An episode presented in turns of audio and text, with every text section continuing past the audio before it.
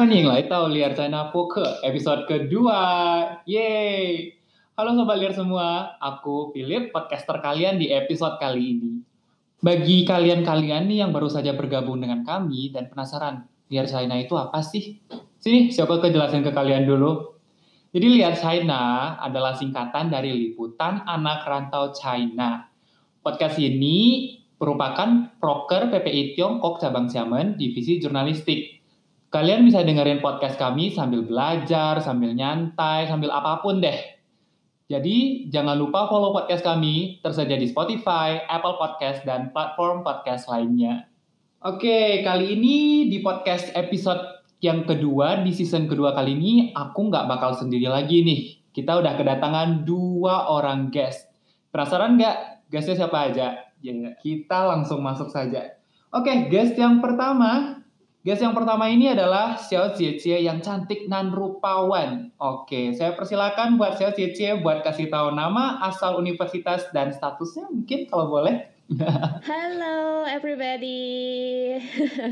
nama gue Melissa White dari kampus Huaqiao University. Terus saya uh, S2, baru mulai S2. Jadi bisa dibilang gue YNI. Wih, udah langsung mulai S2 ya. Keren keren keren. Kita punya gue yang lagi S2. Iya. Oke, okay, selanjutnya kita juga punya Xiao Keke yang ganteng dan charming. Hmm, kira-kira siapa? Oke, okay, aku persilahkan Xiao Keke perkenalkan nama, asal universitas, PIN dan 16 nomor ATM-nya. Iya. Oh ya ampun, jangan sampai ATM-nya dong, Philip. Halo semuanya, uh, namaku Alexander William. Aku kampusnya juga di Huacha University. Uh, tahun ini aku tahun ketiga, semester 5 berarti. Ya. Oh, iya. Berarti kita semua nih itu ya satu almet ya. iya dong. Keren banget podcast kali ini. Yoi. Oke, jadi pasti Sobat Lir udah penasaran kan? Hmm, kira-kira podcast kali ini kita mau bahas tentang apa ya? Jadi tanpa basa-basi lebih lanjut, kita langsung masuk ke topik aja deh. Mungkin teman-teman pada tahu ya tentang kabar-kabar kita di Xiamen, oh, kita yang belajar di Xiamen. Mungkin kota Xiamen ya yang akhir-akhir ini uh, itu katanya breakout uh, COVID-19 ya. Jadi kita juga mengundang guys yang sekarang sedang berada di Xiamen untuk memberikan live report kepada kita jadi di zaman itu sekarang bagaimana sih? Um, kira-kira alur ceritanya itu bagaimana? Dari breakout sampai yang katanya sekarang pembelajaran kampus itu dari buat online semua ya, Koko dan Cece? Benar sekali. Walaupun kita di sekolah, kita di dalam sekolah tapi kita nggak boleh ke kelas. Aduh, jadi coba seharian di susu aja ya? Benar sekali, kita di lockdown guys.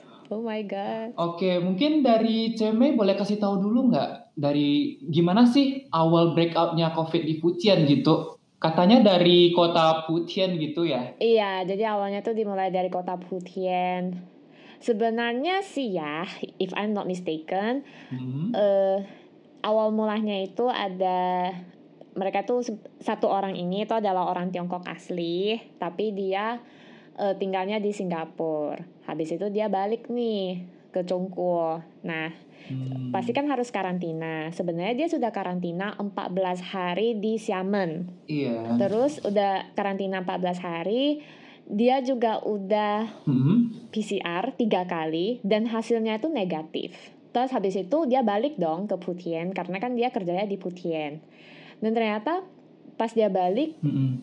positif hasilnya dan uh, dan karena dia balik kan dia bersama keluarganya. Nah dari keluarganya berarti kena anaknya, anaknya juga positif dan dia tidak tahu anaknya positif ya anaknya ke sekolah. Nah ke sekolah disebarin dong. Wah. Ya jadinya gitu. Iya jadi nyebarin terus uh, yang tadi dia tuh pergi kerja. Nah nyebarin juga ke teman-teman kerja yang lainnya juga. Nah, pas juga itu, kenapa kan berarti kan itu di daerah Putian tuh. Nah, kenapa bisa tiba-tiba ke Xiamen? Nah, jadi ada rekan kerjanya dia itu dari Putian mm -hmm. balik ke Xiamen. Kan tidak tahu tuh kalau misalnya ada yang positif. Mm -hmm. Jadi ya kayak biasa aja gitu. Balik eh nyebarin juga deh ke teman-temannya mas eh, ke orang-orang sama maksudnya masyarakat di Xiamen. Jadinya itu that's why hmm, kita Xiamen lockdown, sekolah juga lockdown. itu sih awal mulanya. Wah, itu alurnya kayak mind blowing banget ya. Yang harusnya kan kata Cici udah karantina nih kan? Iya, Nah, benar. karantina mm-mm, karantina 14 hari PCR tiga kali negatif terus balik ke. Fujian Mm-mm. malah jadi positif Iya, itu bingung ah. banget kan. Terus habis itu kan kena anak kecil. Terus aku baca berita itu ada yang eh, kecil banget ya kalau nggak salah umur 7 tahun itu juga udah kena COVID. waduh iya Kasian itu berarti banget. kenanya dari sekolah Mm-mm. yang anaknya si yang bawa itu ya oh. Iya. Iya anaknya. Mm-mm. Terus jadinya ya, jadi ini kayak penyebaran gitu loh. Dan kita itu nggak bakal tahu kita itu positif apa tidak. Disebar aja gitu. nah iya itu yang seremnya ya Mm-mm.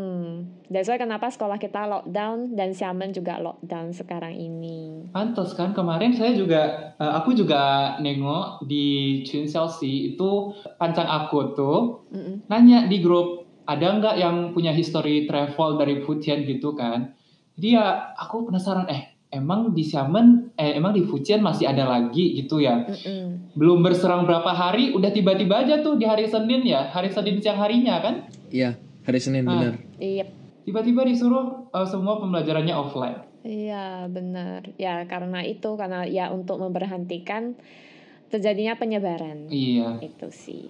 kalau boleh tahu ini salah satu langkah preventif dari pemerintah dari pemerintah Fujian sama dari uni dari kampus itu gimana sih?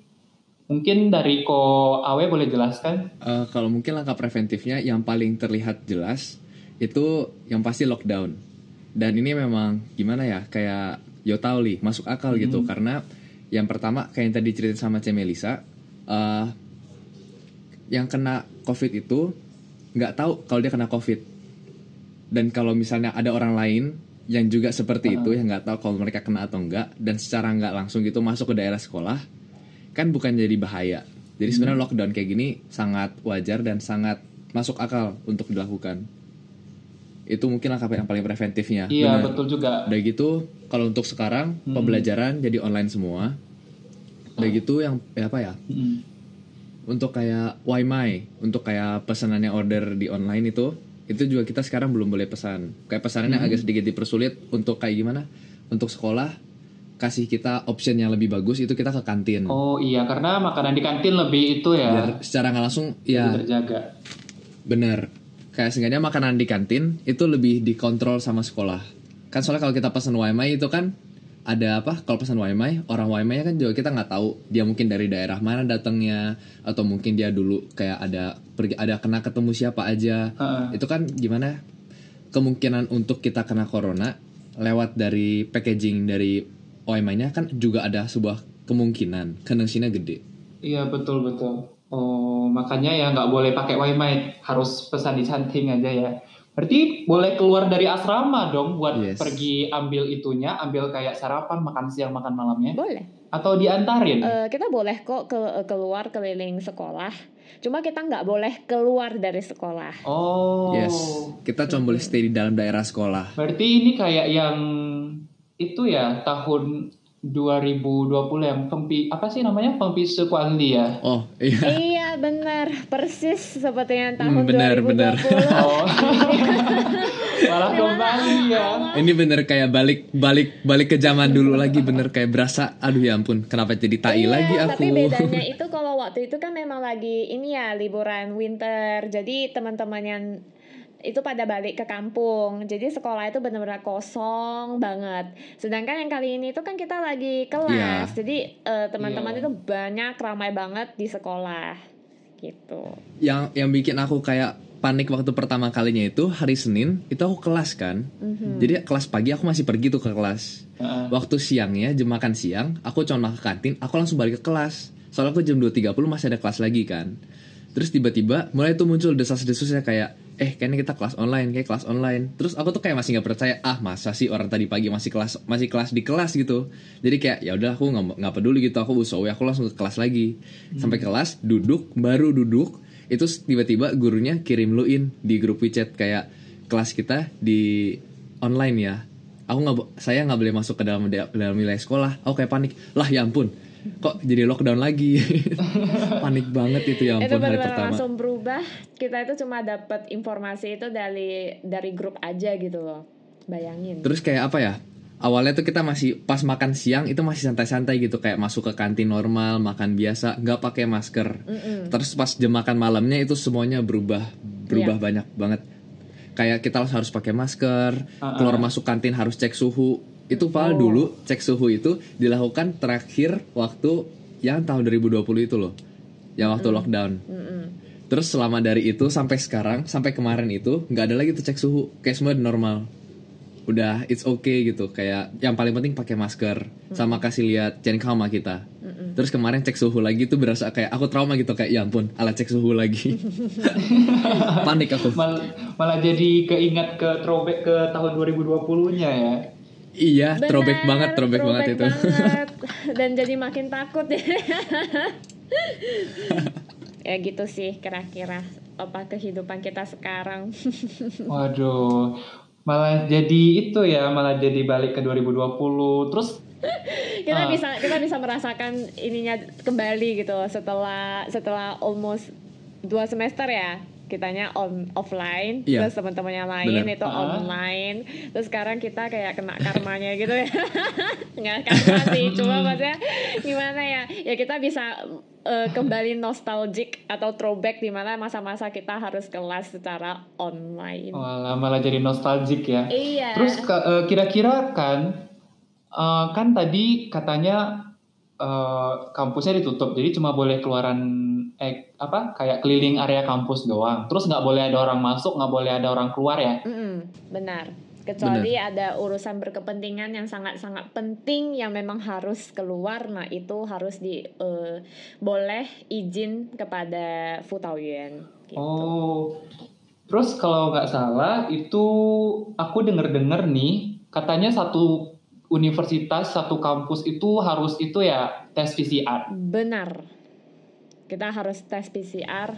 iya Tapi itu eh, kita itu satu semua, satu sekolah, baik itu guru, murid, ataupun eh, pawaan susu, AI, kantin AI semua dah. Itu tetap harus PCR. Tapi gratis. Berarti bagus ya. Berarti satu warga kampus semua itu kooperatif ya sama apa peraturan tentang PCR tentang eh, gimana cara mencegah COVID-nya masuk ke lingkungan kampus. Ya. Hmm.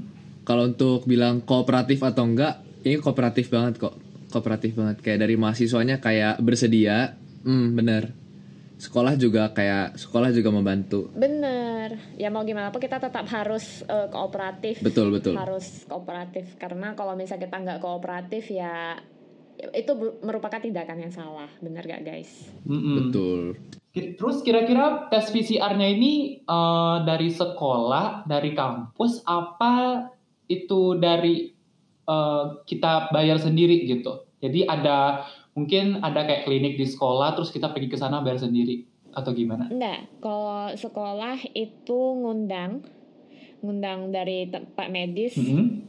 Habis itu nanti banyak bakal banyak suster sama dokter-dokter datang untuk lakukan PC, PCR Mm-mm. dan itu gratis kok. Memang disediakan langsung free dari sekolah. Oh mantap banget ya. Berarti memang eh, dari kampusnya sendiri udah memang ada niat buat ngecek. Iya, Ah, ah. gimana kalau misalkan di kampus ada gimana? Berarti udah ada kayak eh, prosedur-prosedur gitu ya? Mm, benar.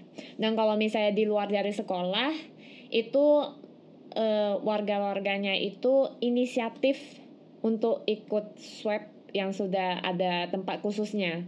Nanti mereka bakal ada ini kan pemberitahuan umum apa langsung kumpul gitu, terus mereka dapat informasinya, mereka langsung inisiatif untuk swab gitu.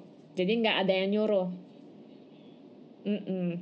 Ke rumah sakit atau ke tempat daerah-daerah yang sudah mereka ada posnya gitu. Berarti nggak cuma dari kampus atau dari universitas saja, tapi memang satu kotanya itu betul-betul mau kayak kerjasama buat biar covid ini cepat-cepat hilang gitu. Jadi apakah aku positif, atau enggak daripada takut nyebarin gitu kan? Benar sekali. Ya, mereka biasa pergi ke Hmm. Tiarian ke rumah Terus- sakit. Yes. Aku juga penasaran Benar. nih sebenarnya eh, kalau misalkan nih kan tes PCR-nya satu universitas semua tuh. Yes. Kira-kira kalau misalkan ada yang hasilnya itu positif itu Mhm.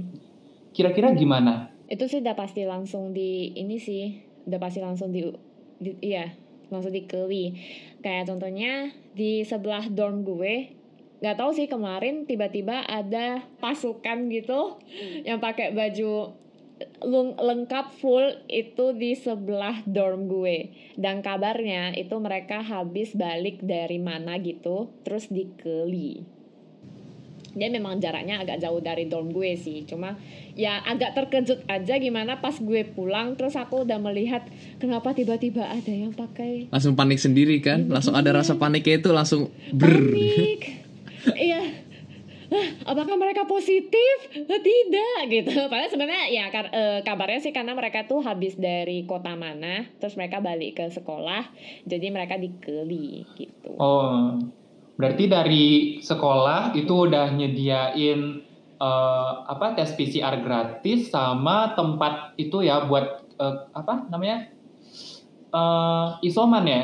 Eh, ma- eh, Ah, tempat karantina. karantina. Karantina. Yes. Hmm. Benar. Oh, berarti memang dari sekolah udah siap-siap ya? Fasilitasnya mantap Lebih dah. mantap daripada Iya, 2020, udah ready semua, 2020 udah ready. kemarin nggak? Iya pasti Iya, lah, kan? karena pas tahun 2020 eh, kan masih nggak tahu itu tahu. apa Hmm. sih itu Iya. virus. Hah gimana kok tiba-tiba pada sibuk nyari masker. Loh Benar, udah benar. ke apotek, ke apotek maskernya habis.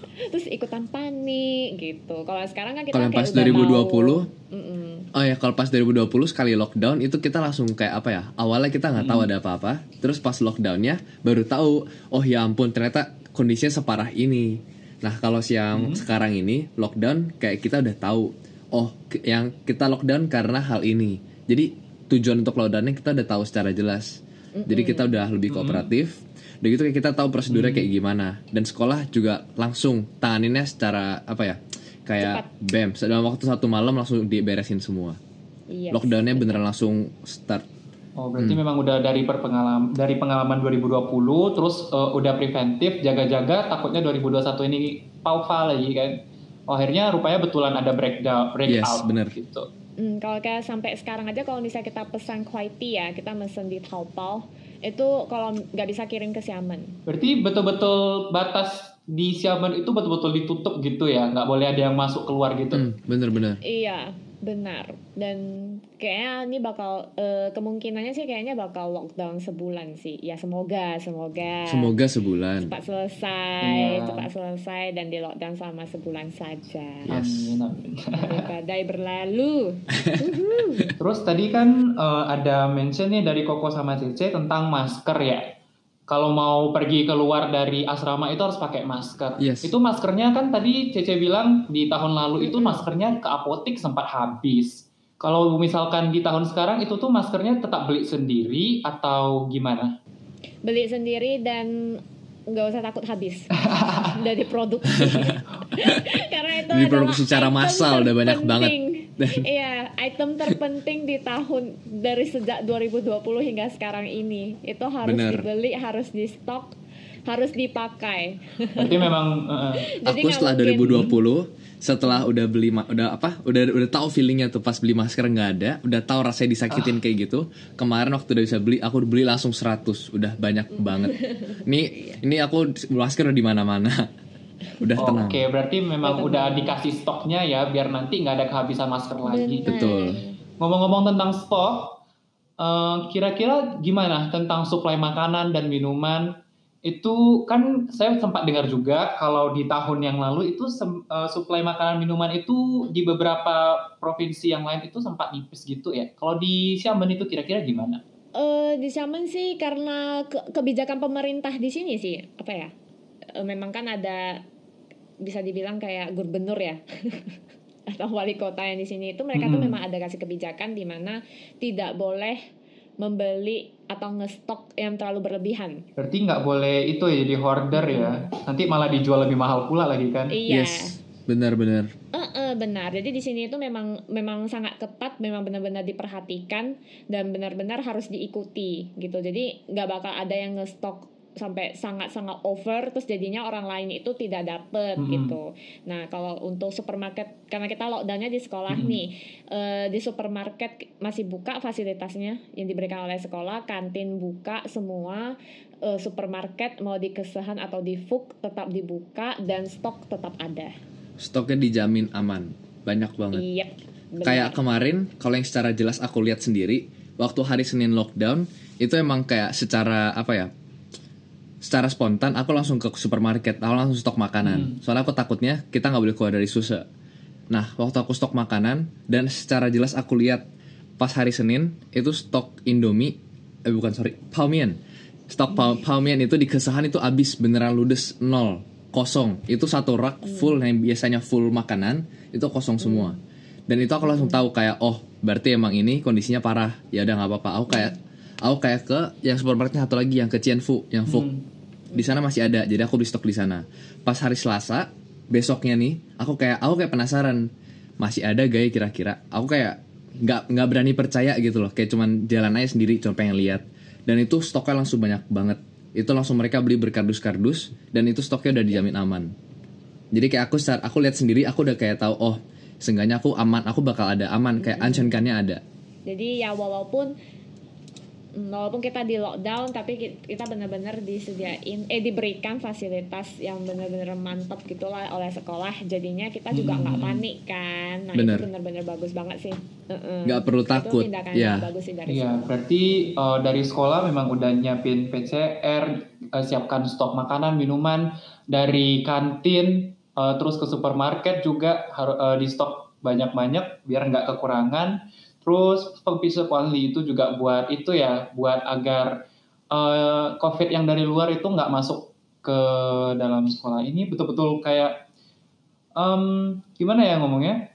betul-betul ada persiapan yang full gitu, udah di prepare sejak sejak lama gitu. Aku merasa kayak betul-betul udah di prepare dari sejak lama. benar bener Hmm, pertanyaan terakhir nih mungkin ya, Mm-mm, aku mau nanya ke masing-masing guest, Em, apa sih perasaan eh, perasaan dari Koko dan Cece selama sekolah eh, selama sekolah lagi pembelajaran online gini kayak nggak bisa ke mana-mana, nggak bisa keluar sekolah gitu. Ah, ngomongnya jujur apa gimana ya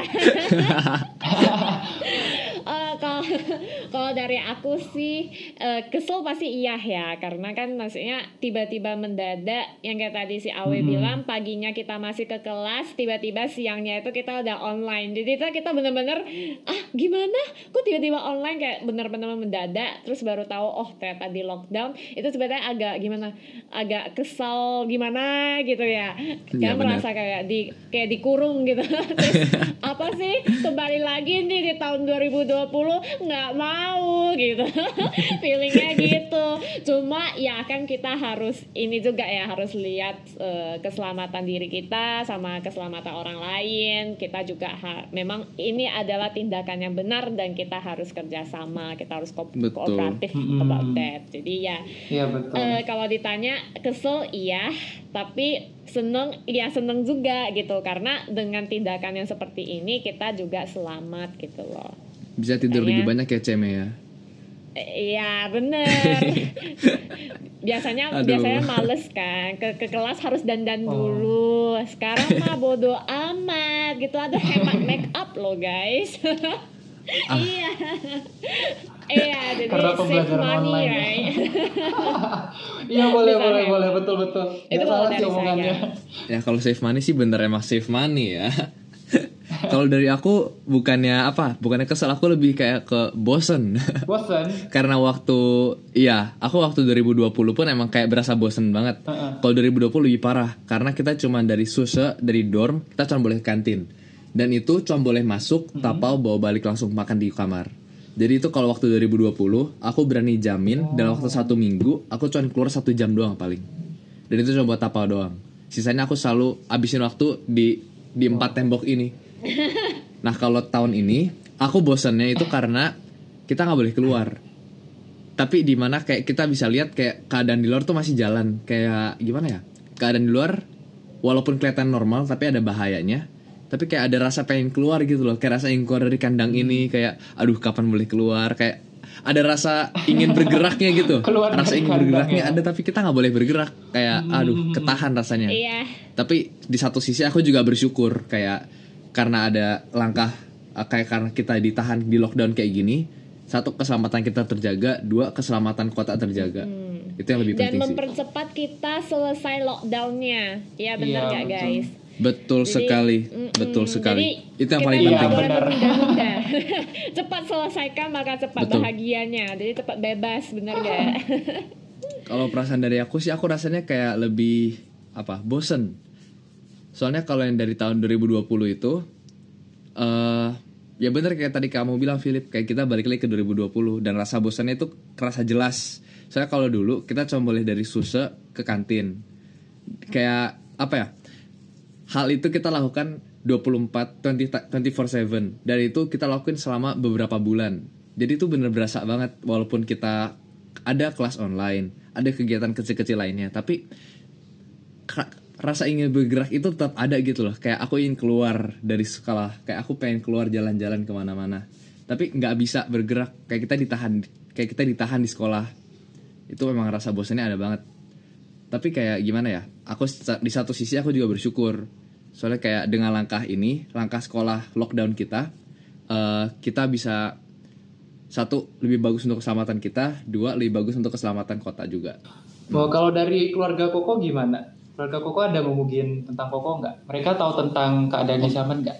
Eh, ada ada ada. Untuk yang keadaan ini aku juga langsung bilang hari Senin yang waktu kita di lockdown aku langsung bilang ke orang rumah kayak "Eh, mami ini aku tiba-tiba di lockdown lagi. Terus kayak tante aku tanya gitu kayak lah kenapa di lockdown lagi? Aku bilang aku jelasin gitu keadaannya secara detail. Kayak gini begini begini begini begini. Hmm. terus kayak dia bilang oh ya udah jaga-jaga aja makan tetap makan yang sehat jangan keluar dulu ke mana-mana pakai masker yang paling penting sih pakai masker Iya. Kalau dari Cime gimana? Apanya? Eh, kalau dari C- eh, keluarga Cici, Cici ada kasih tahu ke keluarga Cici nggak kalau Xiaoman lagi di lockdown sekarang? ada sih tuh kabarin cuma ya mereka kayak eh oh ya udah kan udah ada pengalaman jangan lupa pakai masker ya Hmm. jangan berkeliaran udah gitu aja sih mereka juga nggak heboh heboh kayak dulu gitu kayak oh ya udah gitu Iya, kan sekolah juga udah eh, nyediain semuanya kan, mulai dari PCR sampai ke makanan minuman gitu juga kan. iya Jadinya benar eh, Benar, lebih lebih kurang less khawatir lah kalau bisa dibilang. Eh, Mm. lebih tenang tenang. Iya lebih tenang. Iya. Berarti eh, bagus juga ya kalau bisa dibilang eh, dari tahun ini udah ada persiapan mulai dari PCR sampai stok, terus juga kayak yang dari Cece sama Koko sharing perasaannya mungkin bosan sama kesel gitu kan karena eh, kembali lagi karena harus tetap di SUSE nggak bisa keluar dari sekolah gitu Eh, Iya. malah jadi throwback ke 2020 gitu kesannya kan. itu karena ini kesannya itu karena sebenarnya itu udah ada planning kayak hari kapan itu keluar ke mana hari ini Ah. keluar ke mana kita jalan-jalan ke mana kita ngapain itu udah di planning banget udah udah planning bagus Aduh, bener banget, banget. dan itu udah ditunggu-tunggu banget banget. terus tiba-tiba hey I'm coming lockdown gitu aduh Terus udah langsung kayak oh my god Lockdownnya balik really? lagi. gitu jadi ya keselnya tuh di sana sih karena udah di Ah. planning terus tiba-tiba batal semua terus langsung kayak ya you can do anything kamu cuma bisa di sekolah di dalam sekolah cuma ya eh syukurnya itu kan masih ada teman-teman yang lain masih Mm-mm. bisa main-main di dalam sekolah gitu ya ya masih ada yang bisa disyukuri ya masih ada Iya. senangnya lah maksudnya nggak nggak cuma nggak cuma ada keselnya tapi ada senangnya juga Mm-mm. itu kalau dari gue Setidaknya mungkin sekarang udah bisa planning-planning lagi ya eh, mau kalau misalkan udah siap lockdownnya mau ke mana mau ke mana jadi lebih free bebas dari kandang kalau da- bahasanya Huawei ya.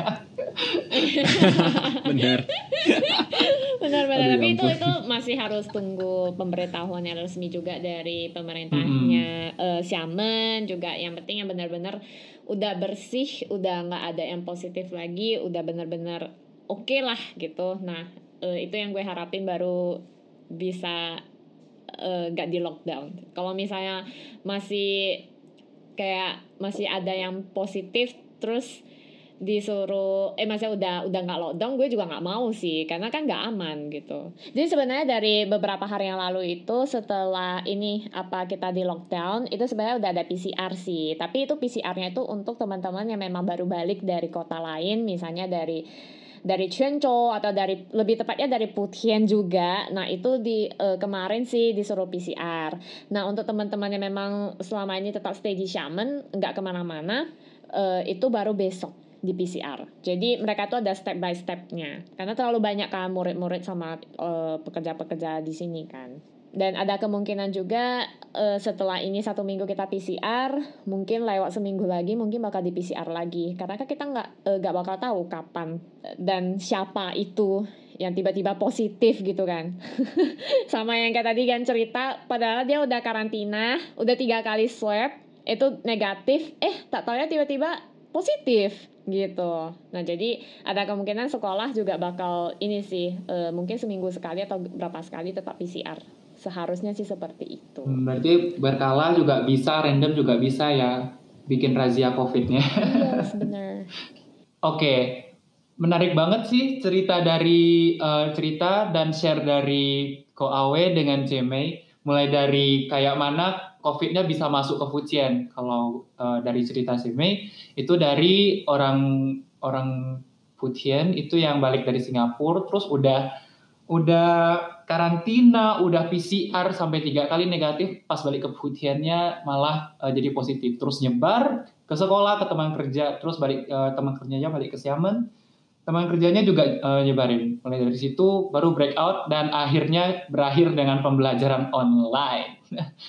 terus um, cerita tentang bagaimana uh, bagaimana sharing tentang bagaimana uh, universitas Terlebih khususnya ini kan dari Huaqiao ya. Dari Huaqiao bagaimana cara mereka preventif, bagaimana cara uh, Huata itu uh, kampus, universitas itu uh, mempersiapkan stok makan, mulai dari stok makanan, PCR, sampai uh, tempat karantina juga udah disiapin. Dan pasti banyak lagi lah mahasiswa-mahasiswa di Xiamen yang awalnya itu boleh keluar ke mana-mana, boleh udah mulai planning-planning, mau jalan ke mana, besok jalan ke mana, besok jalan ke mana. Eh rupanya hari Senin siangnya udah harus di lock di dalam area kampus.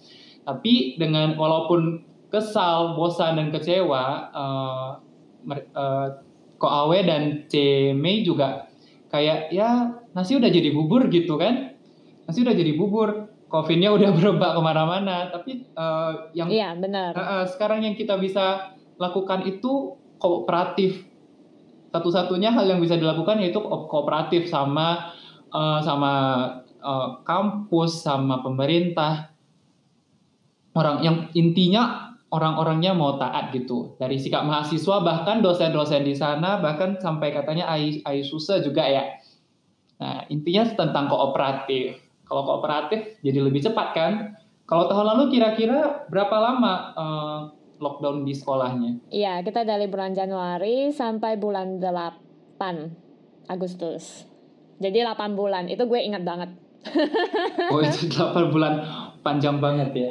Ya jangan sampai. Soalnya udah pada kooperatif kan, semoga aja pandemi di Xiamen bisa cepat hilangnya. Uh, Koko Cece juga udah bisa lanjutkan planning-planningnya. Yoi, amin, amin. amin. Jadi semoga pandemi di Xiamen itu hilang, cepat-cepat hilang. Di Fujian juga, di China juga. Dan juga di Indonesia, supaya kita-kita yang di Indo juga bisa balik. iya, balik ke Huata guys. Dan, dan, Aku di sini juga sih. mau ingat, uh, udah kangen banget mm, sama kawan-kawannya. Yoi. Oke, juga mau mengingatkan bagi siapa pun yang di Xiamen itu juga boleh reach out ke teman-temannya uh, yang Indo di Xiamen ya. Mungkin boleh reach out ke uh, ke Ko Awe atau reach out ke Ceme atau reach out ke siapa pun kenalannya biar nanti yang gak bosan-bosan aja disusah gitu bisa teleponan, main apa main wangse Terus main apa lagi? ya kan? Mabar. Main Uno, main Uno. main Uno. Iya, biar lockdownnya tuh nggak bosan-bosan amat gitu. Iya. Nah, biar biar biar dari biar bisa mencurahkan hatinya bagaimana. Kenapa harus lockdown gitu kan? Sekali lagi makasih ya buat Ko Awe dan Seme udah bersedia buat join di podcast Liar China bulan ini. Udah mau sharing tentang uh, keadaan Xiamen di sekarang. Betul-betul terima kasih. Thank you banget udah diundang. Terus, thank you uh, banget. thank you banget. Iya, semoga nanti di uh, uh, semoga nanti di kes- ada kesempatan selanjutnya lagi ya buat terima buat hadirin uh, Ko Awe dan Ceme lagi ya. Iya, siap siap. Harus itu harus. Oke, dengan begini eh, berakhirlah podcast kita. Jangan lupa ya buat teman-teman sobat-sobat liar buat follow IG at liar channel untuk update terbaru dari divisi jurnalistik PPIT Siamen. Dan juga kalian wajib nih follow podcast kami. Ada di Spotify, Apple Podcast, Google Podcast, dan platform podcast-podcast lainnya. Tinggal kalau misalkan kalian mager nih buat nyari eh, podcast kami di platform lainnya, tinggal klik di link bio kami aja. Kita juga punya IG at Learn Chinese with PPIT Xiamen dari Divisi Sosial Pendidikan PPIT Xiamen buat kalian yang suka banget belajar Mandarin. Nah, di situ pasti ada update-update tentang bahasa Mandarin.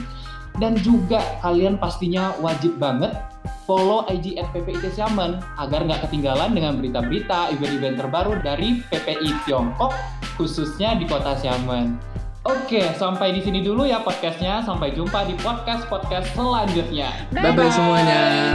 Jangan lupa Bye. di follow ya IG-nya guys. Dengerin dulu semua podcast-podcastnya.